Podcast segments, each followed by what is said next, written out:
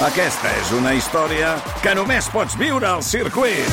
24, 25 i 26 de maig. Gran premi Monster Energy de MotoGP al circuit de Barcelona, Catalunya. Compra ja les teves entrades a circuit.cat. Viu-ho! Històries per explicar a l'hora de sopar.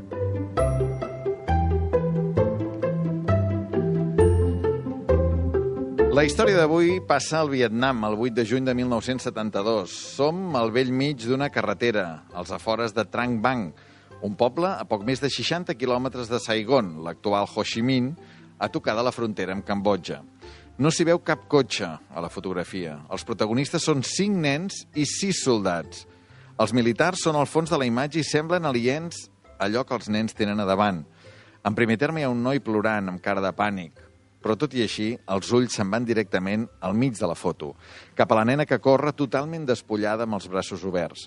Corre cap a nosaltres, corre cap als espectadors d'aquesta foto.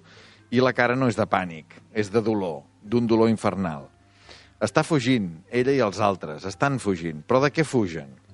Fa gairebé 20 anys que el país és en guerra i partit en dos, el nord comunista i el sud capitalista. Som en plena Guerra Freda. Fa una dècada que els Estats Units s'han ficat de plena aquest conflicte que els agafa a l'altra punta de l'oceà Pacífic. El seu exèrcit, tot poderós, està sent derrotat a poc a poc pels guerrillers del Vietnam del Nord, coneguts com a Vietcong. No poden perdre contra els comunistes, els americans, de cap manera. Per això recorren a una arma terrible, el napalm, una mena de gasolina gelatinosa extremadament inflamable que pot cremar durant hores a temperatures molt altes. El 8 de juny de 1972, els avions de l'exèrcit del Vietnam del Sud, és a dir, els aliats dels Estats Units, sobrevolen el poblat de Trang Bang i, per error, pensant-se que és un assentament del Viet Cong, i deixen caure una pluja de napalm. La nena que corre despullada es diu Fan Thi Kim Puk, Fan Thi Kim Puk. Té 9 anys i està fugint de les flames que han destruït casa seva. S'ha tret tota la roba perquè està impregnada de napalm. Li ha cremat l'esquena i els braços, com deia, un dolor infernal. Qui capta aquest dolor amb la seva càmera de fotos és un jove fotògraf vietnamita de només 21 anys. Es diu Nick Ut i treballa per Associated Press. En aquell moment, el Nick ja ha viscut de molt a prop els horrors de la guerra del Vietnam.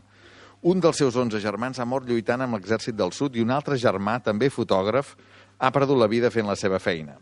Aquell matí el Nick ha sortit amb la seva camioneta de seguida que ha sentit els avions que s'acostaven i ha trobat l'horror al mig de la carretera. Just després de fer la foto, i això és important, deixa la càmera i s'apropa a la nena. Agafa la seva cantimplora i li buida tota l'aigua a l'esquena. Esfereït per la gravetat d'aquelles cremades, decideix agafar la nena, pujar-la a la camioneta i portar-la a un hospital. Els metges no les tenen totes, l'han de traslladar a un hospital de Saigon. Allà, Kim Puk es retroba amb els seus pares s'hi estarà un any i dos mesos ingressada. Caldran 17 intervencions quirúrgiques per reparar les cremades del napalm. Quan ja no pot fer res més per la nena, Nikut busca una habitació fosca per revelar la foto.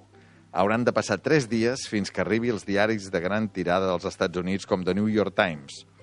L'impacte a l'opinió pública és descomunal. Arran d'aquella foto creixen les protestes contra una guerra, la del Vietnam, que molts ja consideraven absurdes, si és que ja no ho són totes. Nikut guanya el Pulitzer el 1973. Si quedava algú que no l'hagués vist, ara sí que la foto ha arribat a tot el món.